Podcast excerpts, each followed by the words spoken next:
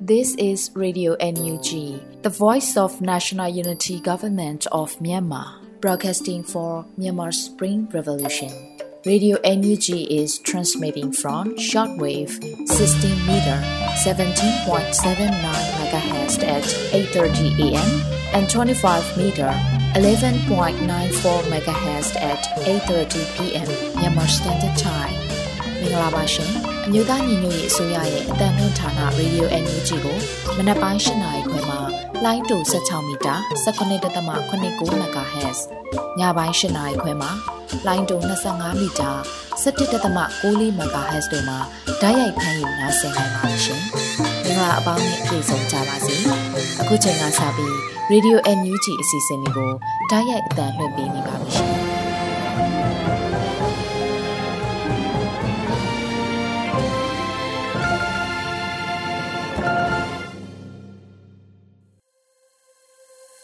မြန်မာနိုင်ငံသူနိုင်ငံသားအပေါင်းတဘာဝဘေးဆီယနာရှင်ပြီးတော့ကနေကင်းဝေးပြီးကိုစိတ်နှပါဘေးကင်းလုံခြုံကြပါစေလို့ရေဒီယို NUG အဖွဲ့သားများကဆုတောင်းမေတ္တာပို့သလိုက်ပါတယ်။အခုချိန်ကစပြီးဩဂုတ်လ15ရက်နေ့ရေဒီယို NUG ရဲ့မနက်ခင်းအစီအစဉ်တွေကိုစတင်ထုတ်လွှင့်ပေးတော့မှာဖြစ်ပါတယ်။ပထမအဦးဆုံးအနေနဲ့ကာကွယ်ရေးဝန်ကြီးဌာနရဲ့စီရေးသတင်းအချင်းချုပ်ကိုတော့မောင်ကျူးမှဖတ်ကြားတင်ပြပေးမှာဖြစ်ပါတယ်ရှင်။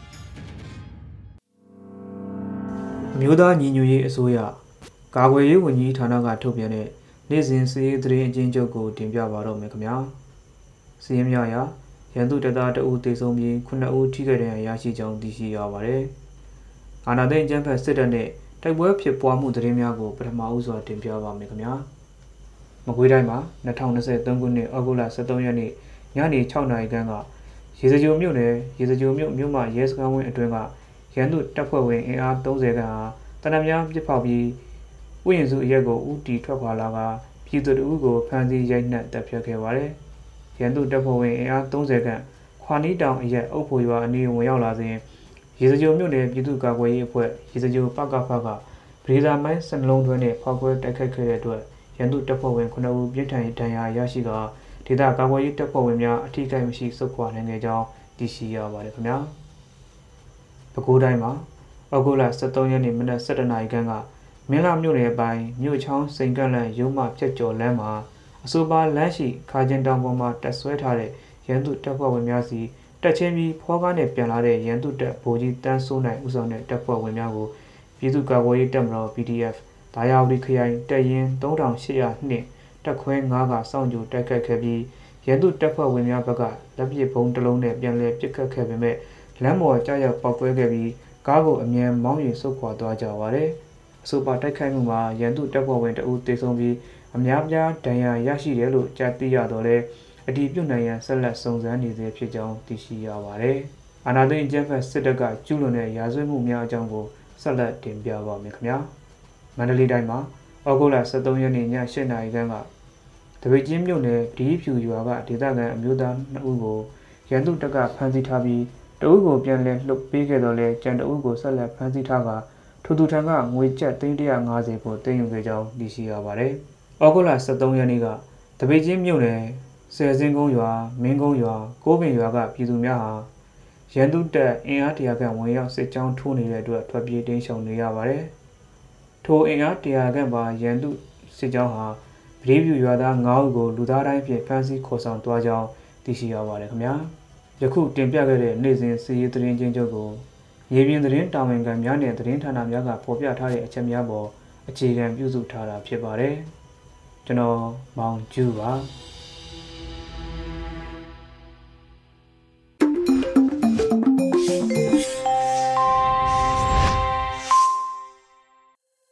အခုဆက်လက်ပြီး Radio NUG ရဲ့နောက်ဆုံးရပြည်တွင်းသတင်းများကိုတော့ຫນွေဦးနိုင်မှဖတ်ကြားတင်ပြပေးတော့မှာဖြစ်ပါတယ်ရှင်။ မင်္ဂလာပါခင်ဗျာ2023ခုနှစ်ဩဂုတ်လ15ရက်နေ့မနက်ခင်း Radio NUG ပြည်တွင်းသတင်းတွေကိုတင်ပြပေးပါတော့မယ်ကျွန်တော်ကတော့ຫນွေဦးနိုင်ပါခင်ဗျာပထမဆုံးအနေနဲ့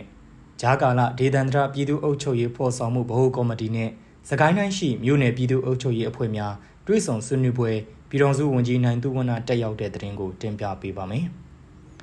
အမျိုးသားညီညွတ်ရေးအစိုးရဂျာကာလဒေသန္တရပြည်သူ့အုပ်ချုပ်ရေးဖော်ဆောင်မှုဗဟိုကော်မတီနဲ့ စစကိုင်းတိုင်းမြို့နယ်ပြည်သူ့အုပ်ချုပ်ရေးအဖွဲ့များတွဲဆုံဆွေးနွေးပွဲအစည်းအဝေး32မြင်းဆောင်2023ကိုဩဂုတ်လ14ရက်နေ့ကကျင်းပခဲ့ပါတယ်။အစည်းအဝေးကိုဂျာကာလာဒေသန္တရပြည်သူ့အုပ်ချုပ်ရေးဖော်ဆောင်မှုဗဟိုကော်မတီအဖွဲ့ဝင်အလို့သမားဝန်ကြီးဌာနပြည်ထောင်စုဝန်ကြီးနိုင်ထွန်းဖေခေါ်နိုင်သူဝနမှတက်ရောက်အမှာစကားပြောကြားခဲ့ပါတယ်။ဆက်လက်ပြီးမြို့နယ်ပြည်သူ့အုပ်ချုပ်ရေးအဖွဲ့ဝင်များမှမူဝါဒလမ်းညွှန်ချက်များ လုပ်ငန်းဆောင်ရွက်ချက်များမြေပြင်အခက်အခဲများနဲ့ပတ်သက်ပြီးသိရှိလိုတာများကိုမေးမြန်းခဲ့ကဝန်ကြီးဌာနရဲ့တာဝန်ရှိသူများကပြန်လည်ဖြေကြားခဲ့ပါတယ်။အစည်းအဝေးကိုပြည်ထောင်စုဝန်ကြီးနိုင်ထွန်းဖေခေါ်နိုင်သူဝနမှဦးဆောင်ကအမြဲတမ်းအတွင်းဝန်များတွဲဘက်အမြဲတမ်းအတွင်းဝန်များဝန်ကြီးဌာနအသီးသီးမှတာဝန်ရှိသူများစကိုင်းတိုင်းရှိမြို့နယ်ပြည်သူ့အုပ်ချုပ်ရေးအဖွဲ့ခေါင်းဆောင်များအဖွဲ့ဝင်များတက်ရောက်ခဲ့ကြတယ်လို့သိရပါတယ်ခင်ဗျာဆက်လက်ပြီး2023ခုနှစ်မှာ မြို့နယ်တရားရုံးပေါင်း100ဖွဲ့စည်းသွားနိုင်ရန်ဆောင်ရွက်ခြင်းဖြင့်ຫນွေဦးတော်လှန်ရေးအောင်မြင်မှုလမ်းကြောင်းအပေါ်အထောက်အကူပြုနိုင်မယ်လို့တရားရေးဝန်ကြီးပြောကြားတဲ့သတင်းကိုတင်ပြပေးပါမယ်။ဩဂုတ်လ23ရက်နေ့မှာပြုလုပ်ခဲ့တဲ့တရားရေးဝန်ကြီးဌာနပြည်ထောင်စုဝန်ကြီးနဲ့မြို့နယ်တရားရုံးများမှတရားသူကြီးများတွေ့ဆုံဆွေးနွေးရာမှာ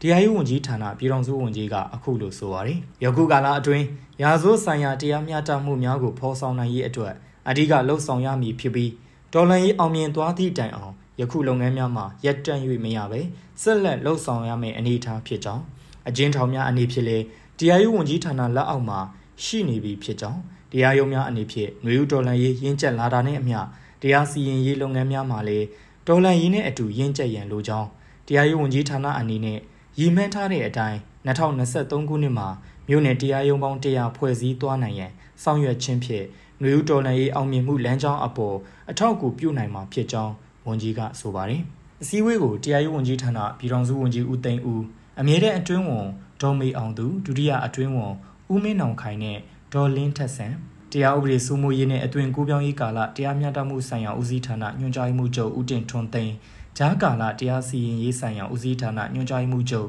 ဦးရန်ကြီးအောင်နဲ့တာဝန်ရှိသူတို့တက်ရောက်ခဲ့ကြတယ်လို့သိရပါတယ်ခင်ဗျာ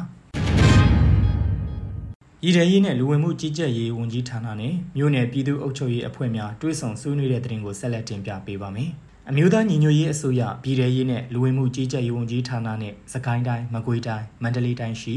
မြို့နယ်ပြည်သူ့အုပ်ချုပ်ရေးအဖွဲ့များတွဲဆောင်ဆွေးနွေးမှုအစည်းအဝေး16မြင်းဆောင်2023ကိုဩဂုတ်လ14ရက်နေ့ကကျင်းပခဲ့ပြီးတွဲဘက်အမြဲတမ်းအတွင်းဝန်မှအဖွဲ့မှစကားပြောကြားခဲ့ပါတယ်။ဆက်လက်ပြီးပြည်ထရေးနဲ့လူဝင်မှုကြီးကြပ်ရေးဝန်ကြီးဌာနတွဲဘက်အမြဲတမ်းအတွင်းဝန်မှ 15မြင်းဆောင်2023အစည်းအဝေးမှာဆောင်ရွက်ပြီးစီးမှုရှေ့လုပ်ငန်းစဉ်နဲ့လုပ်ငန်းဆောင်ရွက်ချက်များအားရှင်းလင်းပြောကြားခဲ့ပြီးမြို့နယ်ပြည်သူ့အုပ်ချုပ်ရေးအဖွဲ့ဝင်များမှမူဝါဒလမ်းညွှန်ချက်များမြေပြင်အုပ်ချုပ်ရေးဆောင်ရွက်နေမှုများကြုံတွေ့နေရတဲ့အခက်အခဲများကိုမေးမြန်းဆွေးနွေးရာဝန်ကြီးဌာနတာဝန်ရှိသူများကပြန်လည်ဖြေကြားခဲ့ပါတယ်။အစည်းအဝေးသို့တွဲဘက်အမြဲတမ်းအတွင်းဝန်များပြည်သူ့အုပ်ချုပ်ရေးဦးစီးဌာနပြည်သူ့ရဲတပ်ဖွဲ့မိသက်ဦးစီးဌာန လူဝင်မှုကြီးကြပ်ရေးဦးစီးဌာနအထူးစုံစမ်းထောက်လှမ်းရေးဦးစီးဌာနတို့မှတာဝန်ရှိသူများစကိုင်းတိုင်းမကွေးတိုင်းမန္တလေးတိုင်းရှိမြို့နယ်ပြည်သူ့အုပ်ချုပ်ရေးအဖွဲ့ဝင်များတက်ရောက်ခဲ့ကြပါတယ်ခင်ဗျာတောင်ညိုစေးကန်းရဲ့အမွှာကလေးမွေးဖွားခြင်း၄ကြိမ်မြောက်အောင်မြင်စွာမွေးဖွားနိုင်တဲ့တဲ့တင်ကိုတင်ပြပေးပါမယ်။တောင်ညိုစေးကန်းရဲ့အမွှာကလေးမွေးဖွားခြင်း၄ကြိမ်မြောက်အောင်မြင်စွာမွေးဖွားနိုင်ခဲ့တယ်လို့တောင်ညိုစေးကန်းမှတရားဝင်အသိပေးဆိုထားပါတယ်။ တောင်ညိုစေးကန်းရဲ့၄ကြိမ်မြောက်အမွှာကလေးမွေးခြင်းရိုးရိုးမွေးဖွားနိုင်ခဲ့ပါတယ်။မိန်းကလေးတစ်ယောက်ယောက်ျားလေးတစ်ယောက်ဖြစ်တယ်လို့သိရပါတယ်။တောင်ညိုစေးကန်းဟာ2022ခုနှစ်အောက်တိုဘာလအတွင်းမှာပြင်ပလူနာ OPD 359ယောက်ကိုကြည့်ရှုကုသပေးနိုင်ခဲ့ပြီးစစ်ကြောင်းလူနာ18ယောက်ရိုးရိုးမွေးလူနာ17ယောက်ခွဲမွေးလူနာ4ယောက်ရှိခဲ့ပါတယ်ခင်ဗျာ နေမြေကန်များပံ့ပိုးမှုနဲ့ရှမ်းတောင်1338 SSR1 ရဲဘော်များနဲ့1335တရင်ရဲဘော်များပူးပေါင်းပြီးအများပြည်သူလမ်းများကိုလမ်းခင်းလှုပ်အားပေးခဲ့တဲ့တဲ့ရင်ကိုတင်ပြပေးပါမယ်။နယ်မြေကန်များပံ့ပိုးမှုနဲ့ရှမ်းတောင်1338 SSR1 ရဲဘော်များနဲ့1335တရင်ရဲဘော်များပူးပေါင်းပြီးအများပြည်သူလမ်းများကိုလမ်းခင်းလှုပ်အားပေးခြင်းများပြုလုပ်ခဲ့တယ်လို့ရှမ်းတောင်1338တရင်ကဩဂုတ်လ14ရက်နေ့မှာအသိပေးဆိုထားပါတယ်။ နယ်မြေကန်တွေရဲ့ပံ့ပိုးမှုနဲ့မိမိတို့1338 SSR1 ရဲဘော်များနဲ့1335တရင်ရဲဘော်များပူးပေါင်းပြီးလမ်းခင်းလှုပ်အားလေးပေးခဲ့ကြတာပါ။ဒီလမ်းတွေကကားဆိုင်ငယ်တွေကိုတော်တော်လေးပျက်စီးစေတဲ့ဂျိုင်းကွက်တွေဖြစ်နေတဲ့လမ်းလေးပေါ့။နောက်ပြန်လာတဲ့အချိန်ရဲဘော်တွေအငြိမ်မနေရလဲမငြင်းညူကြဘူးလွတ်လပ်ရေးရမှနားကြမယ်တဲ့လီလို့ဆိုခဲ့ကြပါတယ်အဆိုပါလမ်းကိုခင်းပေးတဲ့ရဲဘော်များမှာပြည်သူတွေသွာလာနေတဲ့လမ်းကိုပြင်ဆင်ခွင့်ရတဲ့အတွက် ဝမ်းသာကြည်နပ်ကြကြောင်းလည်းဆိုခဲ့ကြပါရခင်ဗျာဆက်လက်ပြီးတထုံမြို့နယ်အတွင်းသို့စစ်ကြောင်းထိုးဝင်ရောက်လာတဲ့စကားစတက်များကြေးရွယ်များအတွင်ဝင်ရောက်ကပြည်သူလူထု36ဦး၏ပစ္စည်းများအားခိုးယူခြင်းများကျူးလွန်ခဲ့တဲ့တဲ့တင်ကိုတင်ပြပေးပါမယ်။ တထုံမြို့နယ်အတွင်းသို့စစ်ကြောင်းထိုးဝင်ရောက်လာတဲ့စကားစတက်များကြေးရွယ်များအတွင်ဝင်ရောက်ကပြည်သူလူထု36ဦး၏ပစ္စည်းများအားခိုးယူခြင်းများကျူးလွန်ခဲ့တယ်လို့ဩဂုတ်လ14ရက်နေ့မှာ KNU ဗဟိုကစကားစရဲ့အကြမ်းဖက်လုပ်ရများကိုအတိပေးဆိုထားပါတယ်။2023ခုနှစ်ဇူလိုင်လ25ရက်နေ့မှဩဂုတ်လ6ရက်နေ့အထိအာနာသိန်းအကြမ်းဖက်စစ်ကောင်စီတပ်ဖွဲ့ဝင်များမှ KNU ကရင်အမျိုးသားအစည်းအရုံးကော်တူးလီအုပ်ချုပ်နယ်မြေဒူးတထူတထုံခရိုင် တပ်မဟာတစ်တထုံမြို့နယ်အတွင်းသို့စစ်ကြောင်းထိုးဝင်ရောက်လာပြီးကြေးရွာများအတွင်းဝင်ရောက်ကပြည်သူလူထု36ဦး၏ပစ္စည်းများအားခိုးယူစားတောက်ခြင်းများနေအိမ်များအားမှွေနှောက်ဖျက်ဆီးခြင်းများလက်နက်ကြီးများဖြင့်ပြည်သူလူထုများနေထိုင်ရာနေရာများအတွင်းသို့ရွယ်ချက်ရှိရှိပစ်ခတ်ခြင်းများနဲ့ပြည်သူလူထုအားအကြောင်းမဲ့တနက်ဖြစ်ပစ်ခတ်ခြင်းများကိုကျူးလွန်ခဲ့တယ်လို့ဆိုပါတယ်။အဆိုပါရန်တမ်းပစ်ခတ်တာကြောင့်အပြစ်မဲ့ပြည်သူတအူးတေဆုံးကပြည်သူလူထုပိုင် နေအိမ်များပျက်စီးခဲ့ရပြီးပြည်သူလူထုပိုင်ပစ္စည်းဥစ္စာအမြောက်များလဲခိုးယူခြင်းကိုခံခဲ့ရတယ်လို့သိရပါတယ်ခင်ဗျာလက်ခတ်တောင်ကိုပြန်လည်ရရှိရေးအတွက်စကားစဘက်မှဆယ်ကျင်းအထိအင်အားအလုံးရင်းဖြင့်စစ်ကြောင်းထိုးခဲ့ပြီးရန်သူဘက်မှဗိုလ်ကြီး2ဦးအပါအဝင် စုစုပေါင်း18ဦးသေဆုံးက34ဦးဒဏ်ရာရရှိတဲ့တဲ့တင်ကိုဆက်လက်တင်ပြပေးပါမယ်။ကရင်ပြည်နယ်မြောက်ရီမြို့အနီးလက်ခတ်တောင်ကိုပြန်လည်ရရှိရေးအတွက်စကားစဘက်မှဆယ်ကျင်းအထိအင်အားအလုံးရင်းဖြင့် စစ်ကြောင်းထိုးခဲ့ပြီးရန်သူဘက်မှဗိုလ်ကြီး2ဦးအပါအဝင်စုစုပေါင်း18ဦးသေဆုံးက34ဦးဒဏ်ရာရရှိခဲ့တယ်လို့ဩဂုတ်လ14ရက်နေ့ကကော့ဘရာစစ်ကြောင်းကအတည်ပြုဆိုပါတယ်။ဇူလိုင်လ22ရက်နေ့မှာစကားစအတွက်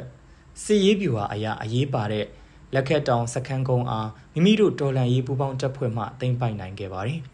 အဲဒီလိုတင်ပိုက်စိုးမှုထားပြီးတဲ့နောက်ပိုင်းမှာစကားစဘက်မှလက်ခက်တောင်အားပြန်လည်ရယူရန်စ조사သဖြင့်မိမိတို့ပူးပေါင်းတပ်ဖွဲ့များဖြစ်တဲ့တပ်မဟာ6 KNU KNLA ကော့ဘရာစစ်ကြောင်း1စစ်တစ်နက်စစ်ကြောင်း Federal Wings ရောင်နီစတဲ့ပူးပေါင်းတပ်ဖွဲ့များနဲ့အကြမ်းဖက်စစ်ကောင်စီတပ်များဩဂုတ်လ23ရက်နေ့အထိတိုက်ပွဲအကြိမ်ရေ10ကြိမ်ထက်မနည်းဖြစ်ပွားခဲ့တယ်လို့ဖော်ပြထားပါတယ်။အဆိုပါတိုက်ပွဲများမှာရန်သူဘက်မှ ဗိုလ်ကြီး2ဦးအပါအဝင်စုစုပေါင်း18ဦးသေဆုံးက34ဦးဒဏ်ရာရရှိခဲ့ပြီးပူးပေါင်းတပ်ဖွဲ့မှရဲဘော်တအူမြင့်မြတ်စွာအသက်ပေးလှူခဲ့ရပြီးရှစ်ဦးတန်ရာရရှိကဒရုန်းတစီပျက်စီးဆုံးရှုံးခဲ့တယ်လို့သိရပါတယ်။ရန်သူဘက်မှဒုတက်ချက်တအူနဲ့တက်သားတအူဟာ60မမကွန်မန်ဒိုစိန်ပြောင်းတက်လက်60မမဘုံသီး9လုံး MA2 တက်လက်ကြီးပေါင်း6ခု5.56 G အတောင့်600တို့နဲ့အတူ ပူပေါင်းတပ်ဖွဲ့ထံသို့အလင်းဝင်ရောက်လာခဲ့ပါတယ်။ရန်သူထံမှတင်စီရမိတဲ့လက်နက်များမှာ40မမ8လုံး M16A2 နှစ်လက် M16 G ပေါက်10ခုကာဘိုင် G 188တောင်ကာဘိုင် G ပေါက်6ခု NATO G 93တောင်ခြေနှင်းမိုင်းတစ်လုံးစကားစ 5.56G အတောင့်130 5.56G 688တောင် AKG 9တောင်တို့ဖြစ်တယ်လို့သိရပါတယ်ခင်ဗျာ 2023ခုနှစ်ဇန်နဝါရီလမှဩဂုတ်လ19ရက်နေ့အထိအကြမ်းဖက်စစ်အုပ်စုကြောင့်နိုင်ငံတော်ဝန်အမျိုးသမီး246ဦးသေဆုံးခဲ့ပြီးစကိုင်းတိုင်းမှာ135ဦးဖြင့်သေဆုံးမှုအများဆုံးမှာရှိနေတဲ့တဲ့ရင်ကိုတင်ပြပေးပါမယ်။နိုင်ငံရေးအကျဉ်းသားများကူညီဆောင်ရှောက်ရေးအသင်းမှကောက်ယူထားတဲ့သတင်းအချက်အလက်များကိုဩဂုတ်လ14ရက်နေ့က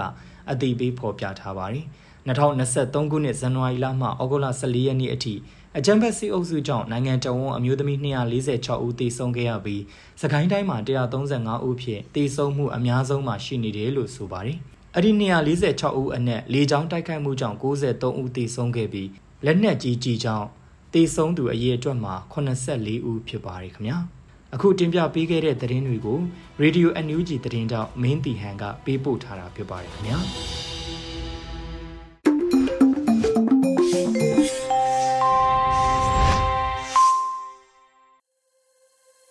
ပြည်တွင်းသတင်းများအပြီးမှာတော့ပြောရေးဆိုခွင့်ရှိသူဒုတိယအတွင်းဝင်ဦးမမောင်ဆွေရဲ့ပြည်သူလူထုထံကိုလူဦးတော်လှန်ရေးအောင်ပွဲသတင်းများတင်ပြခြင်းအစီအစဉ်ဖြစ်ပါတယ်ရှင်။အားလုံးပဲမင်္ဂလာပါ။ကျွန်တော်တို့မြို့သားညီညွတ်ရေးအစိုးရအနေနဲ့အကြမ်းဖက်စစ်ကောင်စီကိုစစ်မျက်နှာဘောင်းဆုံးဖွင့်ပြီးတော့တိုက်ခိုက်လက်ရှိတဲ့နေရာမှာမြေပြင်တိုက်ပွဲတွေလည်းမကဘူး။တန်တမာရေးရတိုက်ပွဲစီးပွားရေးရတိုက်ပွဲစိတ်သက်စစ်စင်ရေးရတိုက်ပွဲတွေကိုလည်းပြည်သူလူထုရဲ့ထောက်ကူမှုပူးပေါင်းပါဝင်မှုနဲ့အ ခုချိန်မှာတော့အောင်အောင်မြင်မြင်နဲ့ဒါအာဆင်နွှဲနိုင်နေပြီဖြစ်ပါတယ်မြို့သားညီညွတ်ရေးဆိုတော့ကျွန်တော်တို့ကာကွယ်ရေးဝန်ကြီးဌာနအနေနဲ့ကလည်းမြေပြင်တိုက်ပွဲတွေကိုပြည်သူလူထုရဲ့ထောက်ဖို့အားနဲ့အောင်အောင်မြင်မြင်နဲ့ကျွန်တော်တို့ဒါခြေမုံတိုက်ခိုက်နိုင်နေပြီဖြစ်ပါတယ်ပြည်သူ့ကာကွယ်ရေးတပ်မတော်ကိုစတင်တည်ထောင်ခဲ့တဲ့2021ခုနှစ်မေလ9ရက်နေ့ရစပြီးတော့ဒီနေ့အချိန်ထိဆိုရင်ကျွန်တော်တို့ကစနစ်တကျတိဆောက်ပြီးတော့မဟာဗျူဟာကြကြ အခုချိန်မှာဆိုရင်နိုင်ငံရဲ့အရှိအနောက်တောင်မြောက်တိုင်းရင်းသားဒေသတွေပါမကြမ်းကွက်ပြည့်နေတဲ့ဗျူဟာနဲ့ကျွန်တော်တို့ကဒါအချိတ်ဆက်မိမိနဲ့ဒါအကြံဖက်စစ်ကောင်စီကိုတိုက်ခိုက်ချင်မုန်းပြီးတော့အောင်ပွဲတွေကိုလည်းအလီလီရယူနေပြီဆိုတာကိုလည်းကျွန်တော်တို့ပြည်သူလူထုဒါကြားသိမြင်တွေ့ခဲ့ရပြီဖြစ်ပါတယ်ဆိုတော့အကြံဖက်စစ်ကောင်စီအနေနဲ့ကဏ္ဍပေါင်းစုံမှာဒါတာမကမြေပြင်တိုက်ပွဲတွေမှာလည်းမရှုမလားဒါကြာဆုံးနေတဲ့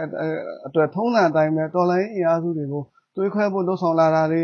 အသွင်ယူပုံဖြတ်ပြီးတော့တတ်ရှို့ဖို့လှုံ့ဆော်လာတာတွေကိုလည်းဒီအပိုင်းတွေမှာခက်ဆက်စိတ်တွေးတွေးမြင်နေရပါတယ်ဒါပေမဲ့ကျွန်တော်တို့ပြည်သူလူထုတရားလုံးနဲ့အဲတိုင်းရင်းသားပြည်သူလူထုတရားလုံးနဲ့တကွအတွေ့အကြုံရင်းနဲ့တိုင်းရင်းသားအဖွဲ့အစည်းတွေကလည်းဒီတွေးခွဲမှုကိုလုံးဝလက်မခံဘဲနဲ့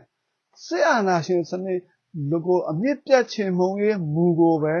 လက်ကင်ထားပြီးတော့ခိုင်ခိုင်မာမာရက်တည်နေကြတယ်ဆိုတာကိုလည်းကျွန်တော်တို့ပြည်သူလူထုကိုထပ်လောင်းပြီးတော့တင်ပြကြပါတယ်။ စီလုံးညီညွတ်မှုဖြစ်ရင်ဆိုင်တွေ့ကြုံနေရတဲ့လူမှုရေးနိုင်ငံရေးစစ်ရေးအရာတွေးခွဲမှုတွေကို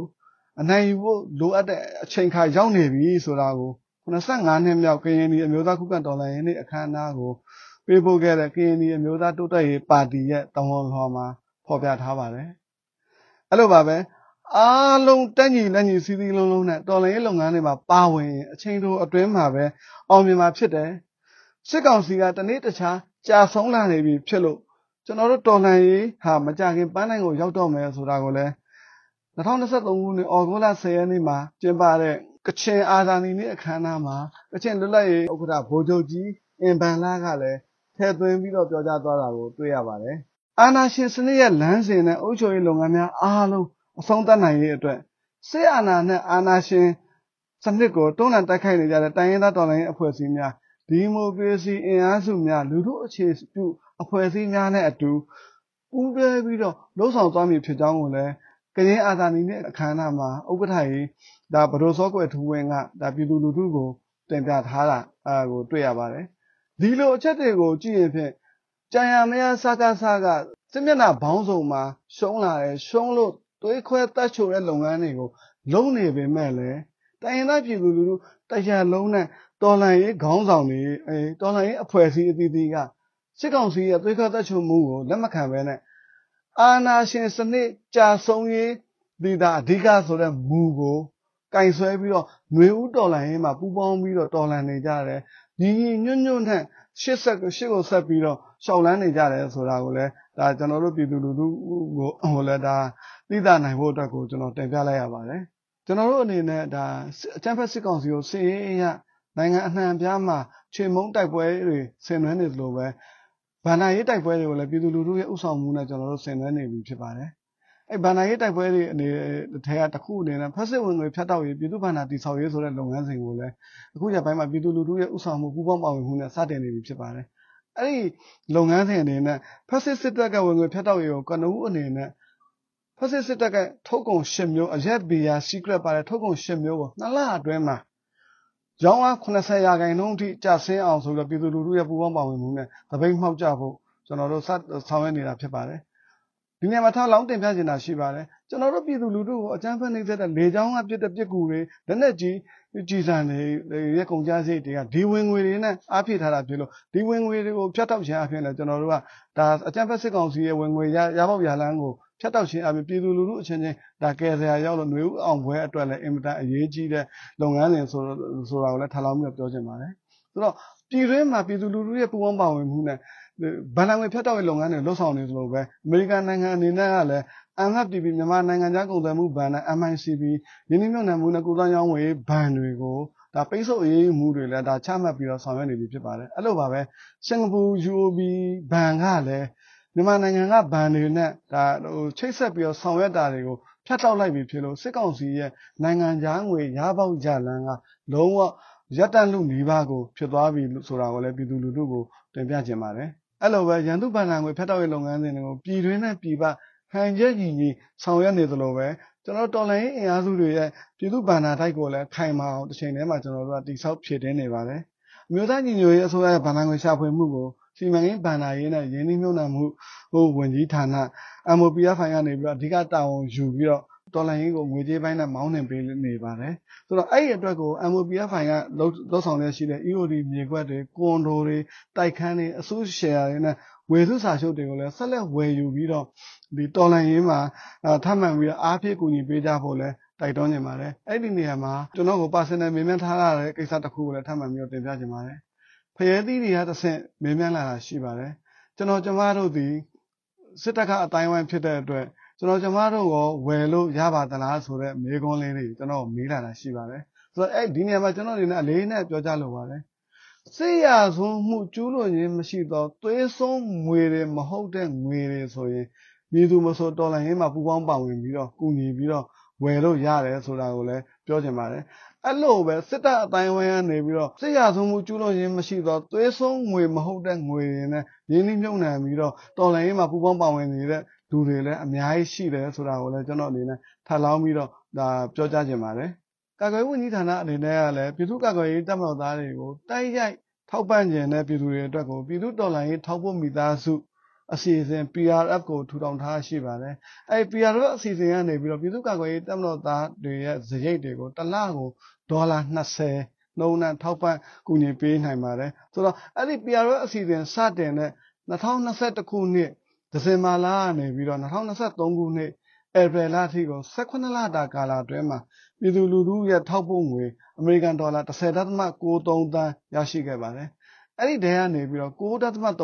သန်းကိုတော့ကျွန်တော်တို့ဒီတိုင်ရင်တပ်ဖွဲ့တွေရဲ့ထောက်ပို့ဈေးအဖြစ်အသုံးပြုခဲ့ပါတယ်။ပကဖားတွေ LDF တွေရဲ့လက်နက်ထုတ်လုပ်တဲ့ဈေးအဖြစ်ကို1.9တန်းကိုဒါကျွန်တော်တို့အသုံးပြုခဲ့ပါတယ်ဆိုတော့ကျွန်တော်တို့ကအခု2023မှာလည်းဆက်လက်ပြီးတော့ PRF PRF 2.0အနေနဲ့တနိုင်ငံလုံး PDF တကဘာလုံး PRF ဆိုတဲ့အစီအစဉ်ကိုလည်းဒါကျွန်တော်တို့ဆက်လက်ပြီးတော့ လှုပ်ဆောင်ဖို့စီစဉ်ထက်ရှိပါတယ်အဲ့ဒီအစီအစဉ်မှာလည်းပို့ပြီးတော့ပူပေါင်းပါဝင်ပေးကြဖို့ပြည်သူထောက်ဖို့တော်လိုင်းမိသားစုဟိုအဖြစ်ပို့ပြီးတော့ပါဝင်ပေးကြဖို့လည်းထပ်လောင်းပြီးတော့ကျွန်တော်တိုက်တွန်းနေပါတယ်ဆိုတော့ဒီလိုငွေကြေးပိုင်းကူညီပေးတဲ့ပြည်တွင်းပြည်ပကအလှူရှင်တွေကြောင့်လည်းဒါကျွန်တော်တို့ဒီပြည်သူတွေရဲ့ຫນွေဥတော်လှန်ရေးအချိန်က2023ခုနှစ်မှာတိတိတသာကိုအချိန်တင်လာတာဖြစ်ပါတယ်နောက်တန်းထောက်ပို့မှုတာအာမကောင်းမှုဆိုရင်အရှိတမ်းမှာလည်းတိုက်ခိုက်နိုင်မှု ရှိမှာမဟုတ်ပါဘူးနောက်တန်းကထောက်ပို့ကောင်းတဲ့အတွက်အရှိတမ်းမှာလည်းရိုးရိုးချွန်ချွန်နဲ့စိတ်ရေးလက်ရေးတိုက်ခိုက်နိုင်တာဖြစ်တဲ့အတွက်လည်းဒီလိုအောင်မြင်မှုတွေကိုရရှိတယ်ဆိုတာကိုလည်းဒါကျွန်တော်တို့အနေနဲ့ဒါထားလောင်းပြီးတော့ပြောကြခြင်းပါတယ် အကျံဖတ်တပ်သားတွေကလူတို့ကိုဆန့်ကျင်ပြီးတော့လူရစားတော့ပြီးတော့ငတ်ငတ်ငတ်ပြက်ပြက်နဲ့စိတ်သက်ရေးရရအောက်ဆုံးကိုကြာပြီးတော့တိုက်ခိုက်နေရတဲ့အချိန်မှာကျွန်တော်တို့ပြည်သူ့ကာကွယ်ရေးတပ်မတော်သားတွေကနောက်ပိုင်းရဲ့ထောက်ပို့မှုကြောင့်ဖူးဖူးလုံးလုံးစားတော့ပြီးတော့စိတ်သက်အင်အားပြည့်ပြည့်နဲ့ဒါတိုက်ပွဲဝင်နိုင်တာကလည်းထောက်ပို့ပေးကြတဲ့ပြည်သူလူထုတရားလုံးကြောင်းဆိုတာကိုလည်း ထပ်လောင်းပြီးတော့ပြောကျင်ပါတယ်။ဒါ့အပြင်နှွေဦးတော်လှန်ရေးရဲ့ဗန်နာရေးစနစ်အတွက်လည်း Spring Development Bank နှွေဦးဘဏ်ကိုဒူဒူရဲ့ဒဏ္ဍဥစ္စာကိုကာကွယ်ဖို့စစ်ကောင်စီရဲ့ငွေကြေးစီးဆင်းမှုတွေကိုဖြတ်တောက်ဖို့အတွက်ကိုအောင်အောင်မြင်မြင်ထူထောင်ထားရှိနိုင်ပြီဖြစ်ပါတယ်။ဒီလိုပါပဲတော်လှန်ရေးကိုလုံခြုံစိတ်ကြစွာနဲ့ငွေကြေးထောက်ပံ့နိုင်ဖို့အတွက်နဲ့ငွေကြေးလက်ပတ်မှုရှိစေဖို့အတွက်ကိုလည်း NGP ကိုကျွန်တော်တို့အမျိုးသားညီညွတ်ရေးအစိုးရအနေနဲ့ထူထောင်ပြီးတော့အောင်မြင်မြင်လုပ်ကိုင်နိုင်နေပြီဖြစ်ပါတယ် ကျွန်တော်တို့ရဲ့တော်လှန်ရေးဟာစည်ရင်းနဲ့ဗန္နာရေးဟန်ချက်ညီညီထုံးနှံတိုက်ခိုက်နိုင်မှုပြည်တွင်းနဲ့ပြည်ပအချိတ်ဆက်မိမိနဲ့ဆောင်ရွက်နိုင်မှုတခါတိုင်းရင်းသားတော်လှန်ရေးအင်အားစုအသီးသီးရဲ့ညီညီညွတ်ညွတ်နဲ့ဘုံရီမှန်းချက်တစ်ခုတည်းအပေါ်မှာဥတည်ပြီးတော့တိုက်ခိုက်နိုင်မှုတွေကြောင့်အခုချိန်မှာဆိုရင်အကြမ်းဖက်စစ်ကောင်စီအနေနဲ့တနိုင်ငံလုံးမှာမရှုမလှကြာဆုံးနေရပြီဖြစ်ပါတယ်။မြေပြင်အခြေအနေမှာလည်းဆိုရင်လည်းတိုင်းရင်းသားဒေသတွေအားလုံးမှာကောပြည်မာထဲမှာဖြစ်တဲ့မကွေးစကိုင်း မန္တလေးနေပြည်တော်နားတဝိုက်မှာလည်းတိုက်ပွဲတွေခက်ဆစ်စစ်ဖြစ်ပြီးတော့ကျွန်တော်တို့ပြည်သူ့ကာကွယ်ရေးတပ်မတော်သားတွေမဟာမိတ်တော်လှန်ရေးအင်အားစုတွေကအောင်ပွဲတွေအလီလီရပြီးတော့ဟိုစစ်ကောင်စီတွေအနေနဲ့အလဲလဲအပြိုပြိုဖြစ်နေပြီဖြစ်ပါတယ်ဆိုတော့2023မကုန်ခင်မှာပဲကျွန်တော်တို့အမျိုးသားညီညွတ်ရေးအစိုးရအနေနဲ့ကအကြမ်းဖက်စစ်ကောင်စီကိုစစ်မျက်နှာကြီး၄ခုဖြစ်တဲ့မြေပြင်တိုက်ပွဲတွေဗန္ဒာရေးစစ်ပွဲတွေ နိုင်ငံတကာတန်တမန်ရေးရတွေပြီးတော့စိတ်သက်စစ်စင်ရေးတိုက်ပွဲစတဲ့တိုက်ပွဲကြီး၄ခုလုံးမှာပြည်သူလူထုရဲ့ညီညီညွတ်ညွတ်နဲ့ပူးပေါင်းပါဝင်မှုနဲ့အသာသီးရိုက်ပြီးတော့ခြေမုံတိုက်ခိုက်နိုင်နေပြီဆိုတာကိုကျွန်တော်ထပ်လောင်းပြီးတော့တင်ပြခြင်းပါတယ်ကျေးဇူးတင်ပါတယ်အရေးတော်ပုံအောင်ရမည်အရေးတော်ပုံအောင်ရမည်အရေးတော်ပုံအောင်ရမည်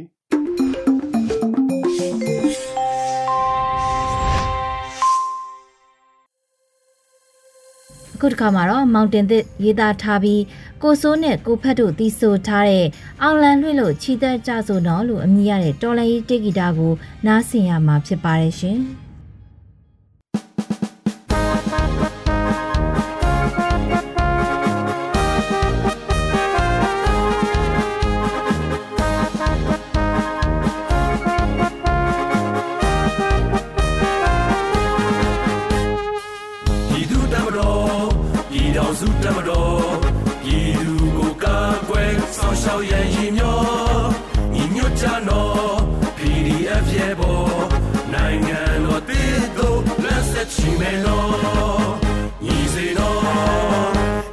စေပြည်သူ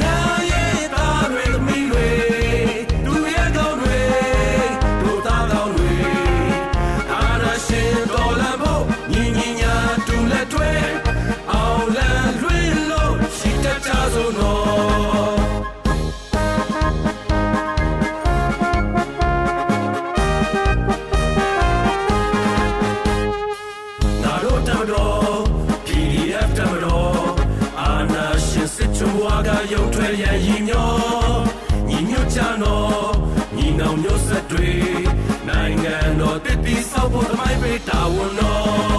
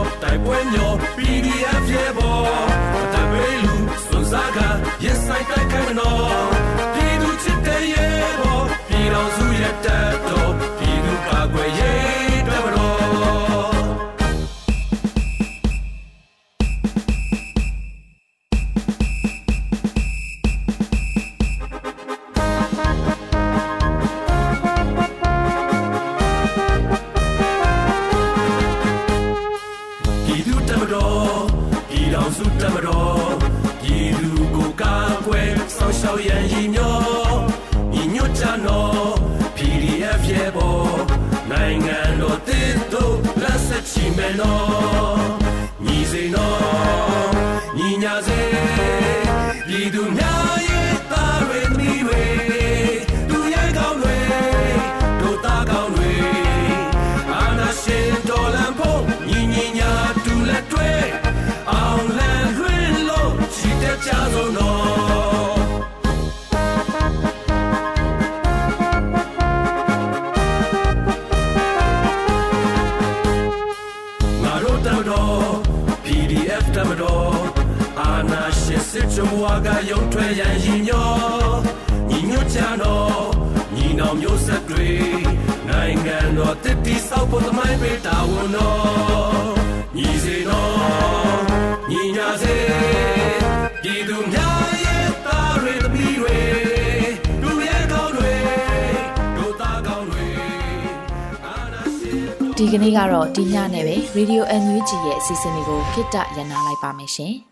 မြမစံတော်ချိန်မနက်၈နာရီခွဲနဲ့ည၈နာရီခွဲအချိန်တွေမှာပြန်လည်ဆုံတွေ့ကြပါစို့။ Radio NUG ကိုမနက်ပိုင်း၈နာရီခွဲမှာလိုင်းတူ16မီတာ19.8 MHz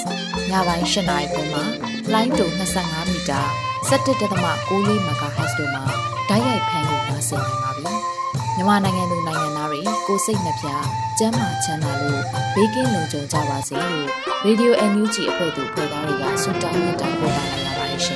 မျိုးသားညီညွတ်ရေးအစိုးရရဲ့စက်သွေးရေးသတင်းအချက်အလက်နဲ့လူပညာဝန်ကြီးဌာနကထုတ်လွှင့်နေတဲ့ Radio NUG ဖြစ်ပါတယ်။ San Francisco Bay Area အခြေစိုက်မြန်မာမိသားစုတွေနဲ့နိုင်ငံတကာကစေတနာရှင်လို့အားပေးနေတဲ့ Radio NUG ဖြစ်ပါတယ်။အရေးတော်ပုံအောင်ရမည်